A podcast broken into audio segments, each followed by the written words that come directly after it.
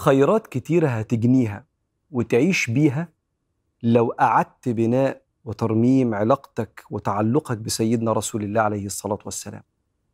أول خير إنك هتدخل على الله من أوسع الأبواب.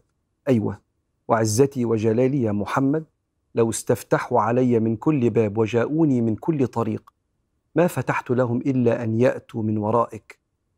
أيوة سيدنا النبي عليه الصلاة والسلام هو أغلى مخلوق على ربنا في الدنيا والآخرة وحب سيدنا محمد عليه الصلاة والسلام هو بابنا الأعظم والراجل جه للنبي عليه الصلاة والسلام قال له كده قال له يوم القيامة إمتى؟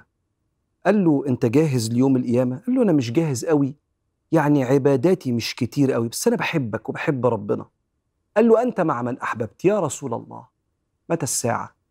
قال وما أعددت لها؟ قال والله ما أعددت لها كثير صلاة ولا صيام ولكني أحب الله ورسوله. قال أنت مع من أحببت. سيدنا أنس بيقول فما فرحنا ببشارة مثل فرحتنا بهذه البشارة. سيدنا أنس يقول كده فأنا أحب الله ورسوله وأحب أبا بكر وعمر. فهتخش على ربنا من أوسع الأبواب. حاجة تانية قصة الحب اللي سيدنا محمد قال لك هي عايشة حتى لو هو أنت مش شايفه قدامك في دنيا الناس. يوم ما قال لك تعرض علي أعمالكم فما وجدت من خير أحمد الله لكم وما وجدت من شر أستغفر الله لكم النبي يعرفك. يعرفك يوم ما قال لك إن لله ملائكة سيارة يحملون صلاتكم وسلامكم علي يقولون يا محمد إن فلان أو فلانة يسلمون عليك. قال فأرد عليه السلام. أنت معروف بالاسم عند النبي عليه الصلاة والسلام. قصة الحب دي وتمني اللقاء اللي خلت بعض الناس يقول كلمة جميلة. قال له صف لي الجنة. قال فيها رسول الله صلى الله عليه وسلم. أدي أحلى حاجة في الجنة.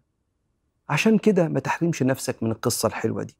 واقرأ واسمع عن شمائل النبي. الشمائل هي الأخلاق والصفات الخلقية. أخلاقه وشكله عليه الصلاة والسلام. في كتب متألفة.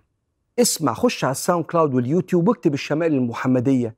واسمع عنه صلى الله عليه وسلم وسيب حبه يصالح كل الأسئلة والشكوك اللي اترمت فيك في بعض البرامج ولا بعض الناس اللي بتتكلم في المواضيع دي. وخطوة خطوة تعيد بناء تعلقك بسيدنا رسول الله.